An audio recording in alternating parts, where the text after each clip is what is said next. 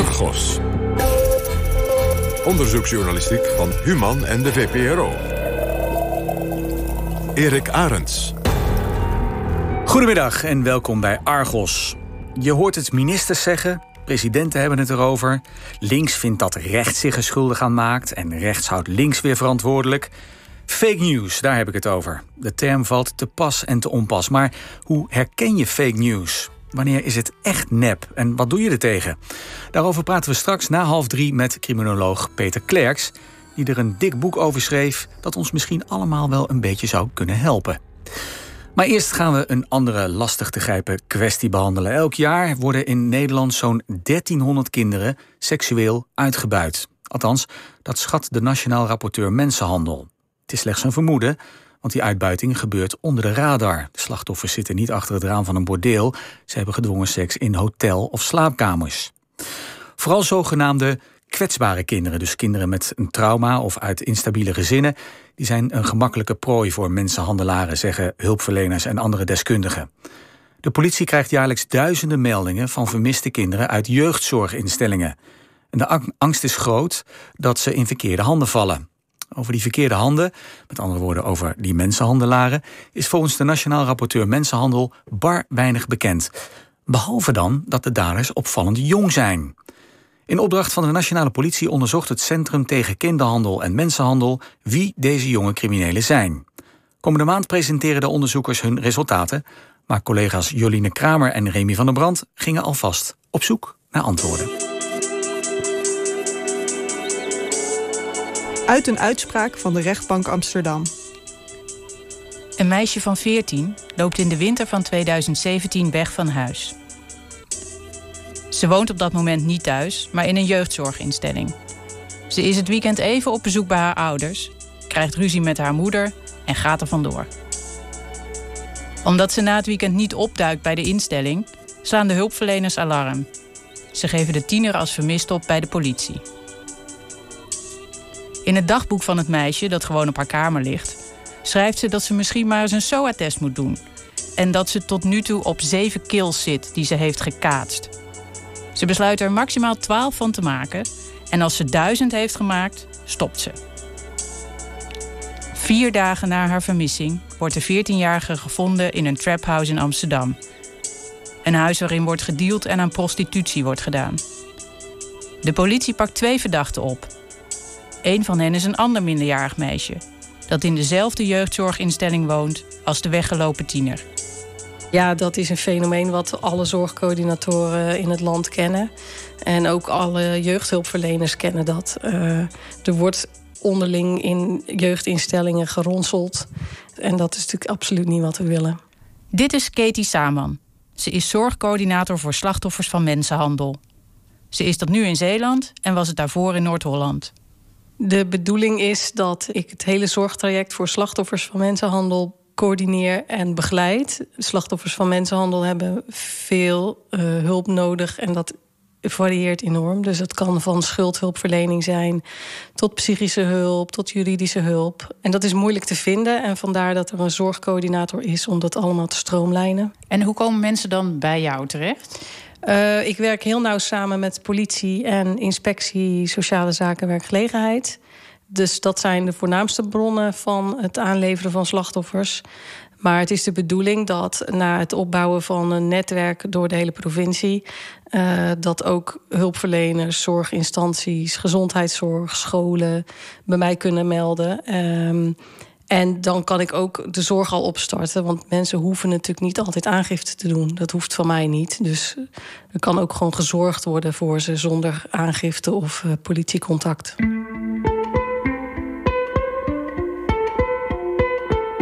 Behalve slachtoffers van mensenhandel ziet ze geregeld daders voorbij komen. Degene die anderen seksueel en of crimineel uitbuiten. En die daders die zijn opvallend jong. Zo schreef de Nationaal Rapporteur Mensenhandel Herman Bolhaar afgelopen maand in de zogeheten Dadermonitor Mensenhandel. Een derde van de daders van binnenlandse seksuele uitbuiting is jonger dan 23 jaar. Die jonge leeftijd is zorgwekkend, want mensenhandel is bepaald geen licht vergrijp. De Nationaal Rapporteur Mensenhandel hamert erop dat het belangrijk is om te voorkomen dat jonge mensen een carrière in de mensenhandel starten. Maar er is volgens hem te weinig bekend van deze daders, wie ze zijn en waarom ze doen wat ze doen. Daarover moeten we dus meer weten, om uiteindelijk te voorkomen dat ze het doen, stelt Nationaal Rapporteur Mensenhandel Herman Bolhaar. Wij zijn daar ook wel benieuwd naar. Waarom doen jonge mensen zulke heftige dingen? Katie Saman is een van de mensen bij wie we informeren naar jonge mensenhandelaren. Zij kijkt niet op van zo'n verhaal van een minderjarige die een leeftijdgenoot uitbuit. Ehm, we weten verhalen van meiden en jongens die gewoon om de hoek van de jeugdinstelling worden opgepikt door uitbuiters. Um, er ontstaan ook weer netwerkjes binnen zo'n jeugdinstelling. Dus dat, dat is eh, heel pijnlijk en heel uh, moeilijk te, de vinger erop te krijgen en ook heel moeilijk aan te pakken, merken wij. En die netwerkjes, wat voor soort netwerkjes zijn dat dan? Nou, ik merk bijvoorbeeld uh, dat uh, uit een jeugdzorg plus instelling uh, waar ik veel mee heb samengewerkt, dat die elkaar vervolgens allemaal op uh, sociaal netwerk weten te vinden. En vervolgens worden via ja, een van die kids, die echt een beetje de ronselaar is, ze weer gekoppeld aan nieuwe uitbuiters. Ja, ze weten elkaars kwetsbaarheden, ze kennen elkaar. Uh, ze weten dat dit meiden of jongens zijn die bijvoorbeeld alles geprostitueerd hebben of alles in de drugs hebben gewerkt. Dus nou, die willen dat misschien wel weer doen. Dus ze gaan uh, weer naar elkaar op zoek. Ook Anke van Dijken herkent het verhaal van de netwerkjes. Ze houdt zich al sinds de jaren 90 bezig met het thema mensenhandel, publiceerde samen met anderen een boek over mensenhandelaren en ze is bestuurder bij VIER. En VIER is een organisatie die zich bezighoudt met geweld in relaties. En dat kan alle vormen van geweld zijn: huiselijk geweld, kindermishandeling, maar ook uh, seksuele uitbuiting, seksueel misbruik. En VIER is ook een gebouw waar mensen verblijven. Ja, VIER is ook een uh, gebouw waar mensen verblijven. We richten ons vooral op jonge mensen. En dus zowel minderjarigen als jongvolwassenen. En um, die kunnen bij ons veilige plek krijgen en behandeling. Anke heeft het over fluïde netwerken van jongeren. En dat zijn groepen jongeren waar vaak een kleine kern is van vrij criminele ja, mannen, vaak jongvolwassen mannen waar allerlei kinderen, heel kwetsbare kinderen, vaak kinderen uit uh, jeugdinstellingen rondomheen zwermen, die soms dader zijn, soms slachtoffer. Het gaat zowel om jongens als meisjes die dader als slachtoffer zijn. En dat zijn vaak kwetsbare kinderen omdat ze ook um, ja, geen goede band hebben met hun familie en met hun ouders. Dus die zijn ook op zoek naar een soort alternatieve familie. En dat vinden ze dan bij elkaar. Maar dan hoort die seksuele uitbuiting of die criminele uitbuiting, dat hoort dan gewoon bij, ja, bij de hele norm of bij de hele cultuur van zo'n fluïde netwerk. Die is ook best lastig, want dan heb je het niet meer over één of twee mensen die iemand uitbuiten, maar een hele groep die, ja, waar de norm is dat dit soort dingen gebeuren. hoe vinden die elkaar dan? Kennen die elkaar? Jammer genoeg verplaatsen we kinderen heel veel in de jeugdzorg. Hè? En sommige kinderen hebben in allerlei voorzieningen gezeten en kennen elkaar daar ook van. Dus dan worden ze elkaars netwerk? Ze worden elkaars netwerk, elkaars familie. En soms is zo'n familie, zo'n zo'n surrogaatfamilie, hechter dan wat ze in de hulpverlening tegenkomen. Met veel wisselende hulpverleners en familie die ja, ook niet echt stabiel is of waar van alles aan de hand is of waar je hele nare ervaringen mee hebt. En je zegt van uh, soms zijn kinderen daders, soms slachtoffer en dat varieert. Wat bedoel je daarmee? Kan dat dan verschuift dat? Of? Ja, dat kan. Je kan bijvoorbeeld slachtoffer zijn van, uh, van seksuele uitbuiting, maar op een gegeven moment zelf ook weer andere kinderen of andere jongeren werven. En die in diezelfde positie brengen. Dus het kan heel erg wisselen uh, wie je bent uh, in zo'n netwerk. En de ene keer ben je slachtoffer, de andere keer dader. Maar het klinkt dus inderdaad alsof in die fluïde netwerken, zoals je ze noemt, dat de, de achtergronden van die jongeren of kinderen of jongvolwassenen zijn vergelijkbaar. Ja, dat is heel bijzonder. Hè? ja, dat, ik denk wel dat dat vaak zo is. Dat de slachtoffers uh, voor een belangrijk deel dezelfde achtergrond hebben van trauma's. Ja, gezinnen die ja, heel instabiel waren of waar hele grote problemen waren. Als de daders, plegers. Uit de uitspraak van de rechtbank Amsterdam. Het 14-jarige meisje dat was weggelopen en haar eveneens minderjarige uitbuitster kennen elkaar uit de jeugdzorginstelling. De laatste vroeg de eerste of ze geld wilde maken en zo ja, dan moest ze onderaan de ladder beginnen. Als prostituee dus. Haar instellinggenoot maakte naaktfoto's van haar voor een seksadvertentie, plaatste die op internet en vertelde haar dat ze klanten vooral moest vertellen dat ze 16 of 17 jaar oud was. In een kamertje in de buurt van een metrostation ontving de 14-jarige haar klanten. Het meisje dat ze kende uit de jeugdzorginstelling had via de telefoon contact met ze en handelde de betalingen af. 150 euro per uur en 70 euro voor pijpen. Als de klant weg was, kreeg het meisje zelf 60 of 65 euro. Ze zeggen ook geen geld verdienen, maar geld maken, zo heet dat.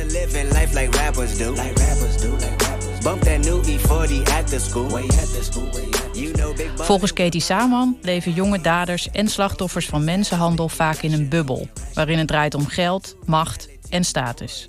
En waarbinnen dus niet wordt gesnitcht. Een reden waarom jonge daders niet graag zelf voor de microfoon verschijnen.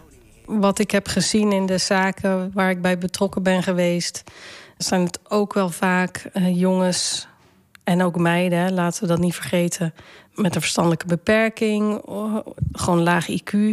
Praktijkscholen, daar zijn vaak ja, de grootste groepen van uh, jongens en meiden die in een soort cirkeltjes rond elkaar heen blijven draaien. Waar heel veel uh, seksueel grensoverschrijdend gedrag plaatsvindt. En dat gaat van kwaad tot erger. Gewoon tussen leeftijdsgenoten. Tussen leeftijdsgenoten in eerste instantie. Maar je merkt wel dat die jonge jongens vaak wel gelieerd zijn aan wat oudere uh, jongens en mannen. En dat het dan een beetje dat zo'n slachtoffer een soort van doorgegeven wordt. Van die jongere jongens naar de wat oudere jongens. En dan echt uh, vast zitten in zo'n circuitje. En die jonge jongens die eh, kijken gewoon heel erg op naar die oudere jongens. Het is een soort, ja, het is een soort cultuurtje die heel erg opkijkt naar uh, de rap scene, alles wat daarin gebeurt.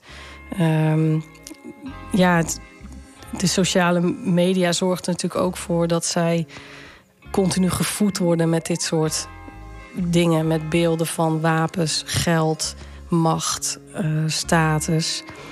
Als je één keer zoiets zoekt uh, op Facebook, blijf je natuurlijk ook gevoed worden met dit soort dingen. Ja. Dus je zit in een bubbel waarvan je denkt: dit is het leven. Ik ga geld maken. Bling bling en tien meiden in je bubbelbad. En uh, ja, zo ziet dat eruit. Bitch, don't kill my vibe.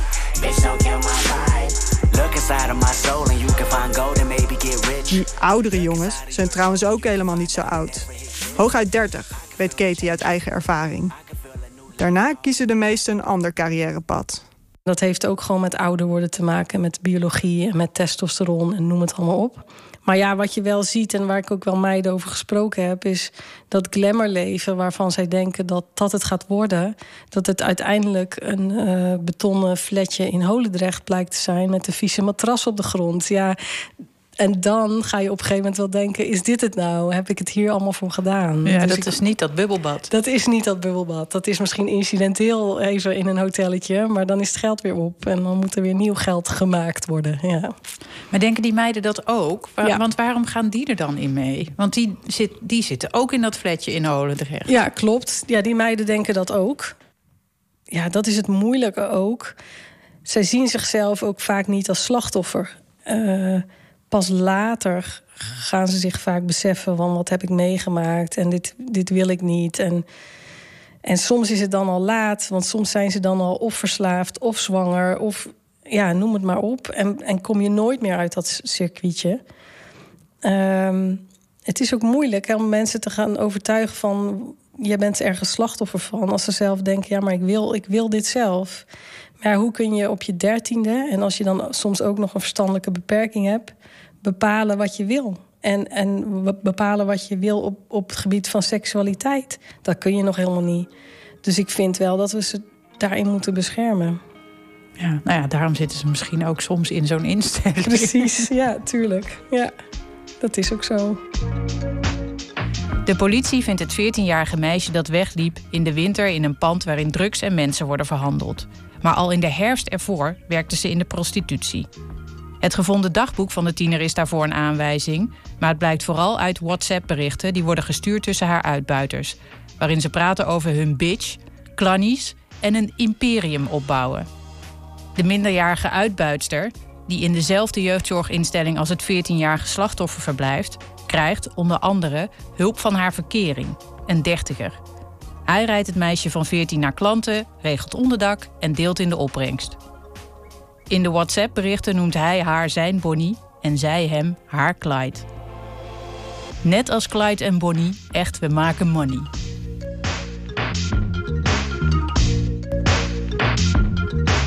Ik, ik denk zelf hè, met de fluïde netwerken een cultuur waarin het genormaliseerd wordt. Ja, dat dat best heftig is. En dat er ook vaak ook sprake is van drugs en van wapens. En ja, ook, ook zwaar. Nou ja, mensenhandel is zware criminaliteit, seksuele uitbuiting.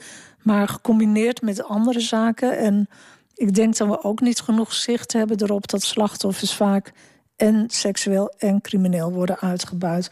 Wat is dan een voorbeeld van die criminele uitbuiting? Wat moeten ze dan bijvoorbeeld doen? Drugscourieren of um, op de uitkijk staan, bijvoorbeeld met, uh, met, bij een overval. Of, ja. Nou, noem maar op. Gert Buis bevestigt wat Anke van Dijken zegt.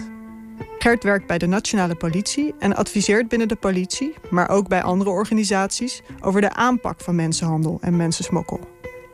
Het is de taak van de politie om de mensenhandelaren op te sporen en slachtoffers uit de situatie van uitbuiting te halen.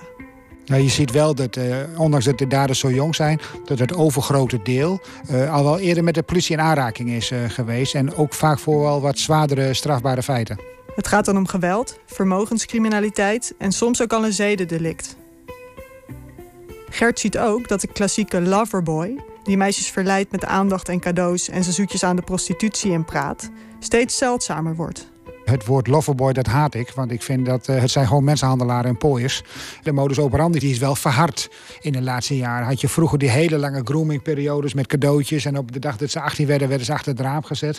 Dat is nu veel harder geworden. En dat komt ook, ook door het internet. Ik bedoel, er vindt een groepsverkrachting plaats. Er wordt een filmpje van gemaakt. En er wordt gedreigd van, joh, op het moment dat jij nou niet klanten gaat ontvangen... dan zet ik dit op het internet. Het gaat harder. Het gaat veel harder. Gerts collega Christa vult aan. Zij werkt onder meer als rechercheur en richt zich voornamelijk op mensenhandelzaken. Vanwege haar werk wil ze niet met toename op de radio. Ja, je ziet ook wel gevallen waarbij een minderjarige wegloopt uh, vanuit een instelling en dan bij een foute kerel terechtkomt. En daarna dat adresje doorgeeft aan de andere meiden in de instelling. Joh, als jij ook wegloopt, dan kan je daar wel verblijven. En dan moet je misschien dit en dit doen. Maar dat is het wel waard. Uh, dus nou ja, zo is het natuurlijk ook een beetje een sneeuwbaleffect. En je moet ook niet vergeten, we leven natuurlijk in een digitaal tijdperk. Dus uh, het is veel minder moeilijk om een meisje te ronselen online dan bij die poorten nu te gaan uh, hangen. Dus je ziet ook dat heel vaak de contactlegging wel via sociale media is. Ja. Ik denk dat dat inderdaad ook wel een groot verschil is met een aantal jaren geleden. Dat het ronselen niet meer vaak fysiek gebeurt, maar echt wel via allerlei sites en uh, op, op digitale manier. Gert constateert ook dat jonge daders vaak al vrij veel schulden hebben. Mensenhandel is, of lijkt, dan een manier om snel goed geld te verdienen. Op zoek naar dat glamourleven, zoals Katie Samon het verwoordde. Met tien meiden in een bubbelbad. En dat is een heel ander perspectief dan wat je op een praktijkschool te horen krijgt. Van, nou ja, je kan in een keuken gaan werken of in de schoonmaak of achter de kassa. Want daar hebben we het dan over. Ja, wat ga je dan doen? Ja, dan kies je voor die andere route. En maar weet het, maar dat, dat mag niet. Weten ze dat? Weten ze dat wel? Ik denk dat dat ze niet interesseert. Het, de andere route is niet gewoon zeg maar uh, dat je een loopbaantest doet en dat dat er ook uitkomt en dat je dat vakje ook aan kan vinken. Ik bedoel, dit is een no-go, zeg maar. Dit zou een no-go moeten zijn, maar dat wat ze gepresenteerd krijgen uh, in de rap scene en via social media is het kan makkelijk en je wordt echt niet opgepakt. Uh, en als dat zo is, dan zit je twee dagen of je krijgt een boete of een taakstraf. En daarna ga je gewoon weer verder. Dus dat is waar je tegen aan het boksen bent. ik heb van twee jongens gehoord... ja, we moesten zitten met de kerst. We zouden eigenlijk op vakantie, maar dat ging niet door. Ja, we hebben er een feestje van gemaakt in de bak. Ja, dan weet ik het ook niet meer. Anke van Dijken. Wij zeggen wel eens dat gedrag zowel van een pleger als van een slachtoffer... of een dader als een slachtoffer... dat is niet normaal. Nee. Hè, dat, dat, Nee, dat vind ik ook niet normaal. hè? Nee. En, ehm, maar waar komt dat dan uit voort? Je kan alleen kijken naar het gedrag en zeggen van... oh, het is crimineel of het is een slachtoffer. Ehm, maar wij noemen het ook vaak pain-based behavior. Dus gedrag wat voortkomt uit pijn, uit trauma's. Uit... Het zijn vaak kinderen, jongeren die volwassenen niet meer vertrouwen. Die zoveel negatieve ervaringen hebben. Die gewoon, laat ik zeggen, scheid hebben aan de samenleving. Zo van, joh, wij hebben er niks mee te maken. We hebben onze eigen normen en waarden. En het zijn ook vaak kinderen die dan niet meer naar school gaan op een gegeven moment. Vroegtijdig schoolverlaters noemen we het dan. Zorgen dat ze weer naar school gaan. Zorgen dat ze leren weer leuk gaan vinden. Zet die kinderen weer op de rit. Zet die jongeren weer op die rit. En bij jongens kijken we toch vaak en mannen, jonge mannen, kijken we vooral naar hun gedrag. En zijn we veel eerder geneigd om te zeggen: joh, dat is een crimineel, dat moet je opsluiten. Of dat, ehm, die moet je straffen. Of, en ik vind overigens wel van, hè, als je zo ver gaat dat je een ander seksueel uitbuit, hè, willens en wetens tientallen, honderden keren laat verkrachten, vind ik ook dat je straf moet krijgen. Maar ik vind ook dat je naar die pain-based behavior moet kijken. En dat doen we heel weinig bij jongens. En daar zouden we ook veel eerder mee kunnen zijn. Omdat, ja, ik, ik geloof er echt in dat als we. Ja, je ziet het ook bij de jongens op 12, 13, 14-jarige leeftijd. Of eerder ehm, zie je de eerste signalen ervan. Zie je ook bij meiden. En ja, het zou echt mooi zijn als we ja, naast hè, dat we duidelijk maken van nou, dit accepteert een samenleving niet. Dat we ook eh, gaan kijken van hoe kunnen we er eerder bij zijn? Hoe kunnen we voorkomen dat jongens dit pad opgaan? Zorgcoördinator Katie Saman. Ja, dat zou zeker moeten gebeuren. Die daders hebben zeker ook hulp nodig. Maar ja, ik probeer me daar wel in mijn functie echt ehm, een scheiding in te maken. Omdat ik anders met twee petten op moet werken. En ja, nee, dat, gaat niet. dat snap Ja. ik. Maar heeft iemand ook de groep, of ik weet dus niet in hoeverre je van een groep kan spreken, de groep in beeld die wel eens zou kunnen afglijden naar daderschap? Ik denk, ja, dat is, dat is het moeilijke. Ik zie vaak dat we dat best wel weten. En toch niet in kunnen grijpen. Ik zie best wel vaak als ik met een groep mensen om tafel zit... de gemeente en de belangrijkste sociale eh, instellingen... dat we dat best wel weten. En toch krijgen we onze vinger daar niet achter... en kunnen we dat, dat patroon niet doorbreken. Want ook die kan je niet opsluiten en dan. Dat kan. Ja, met het gevoel dat ze daarna hebben van... eh, ja, iedere hulpverlener sluit mij op en het is de vijand. Politie is de vijand, hulpverlening is de vijand. Ja, Kan averechts werken eigenlijk. absoluut. Ja. ja. En dat, ja, daar zijn ze ook heel gehaaid in. Dat weten ze donders goed. Hoe ze zich dan moeten opstellen om maar weer braaf eh, vrijgelaten te worden. Uh, me and my niggas tryna get it, yeah, bitch. Yeah, bitch. Hit that house, they tell me, is you with it, yeah, bitch. Yeah, bitch. Home invasion was persuasive. Was persuasive, was persuasive. From 9 to 5, I know it's vacant, yeah, bitch. Yeah, bitch. Dreams of living life like rappers do. Like rappers do, like rappers. Back when condom rappers wasn't cool. They wasn't cool, they wasn't. I fucked Sherane and went to tell my bros. Tell my bros, tell my Then Usher Rain and let it Ja, een kijkje in de wereld van de pain-based behavior. Met normen en waarden die je behoorlijk koude rillingen geven. We hoorden een reportage van Juline Kramer en Remy van den Brand. De techniek was in handen van Alfred Koster. Eindredactie Harry Lensink. Komende maand verschijnt dus naar verwachting het onderzoeksrapport over mensenhandelaren van het Centrum tegen Kinderhandel en Mensenhandel in opdracht van de Nationale Politie. Uiteraard kunt u daarover dan meer lezen op onze website argosonderzoekt.nl. NPO Radio 1. Argos.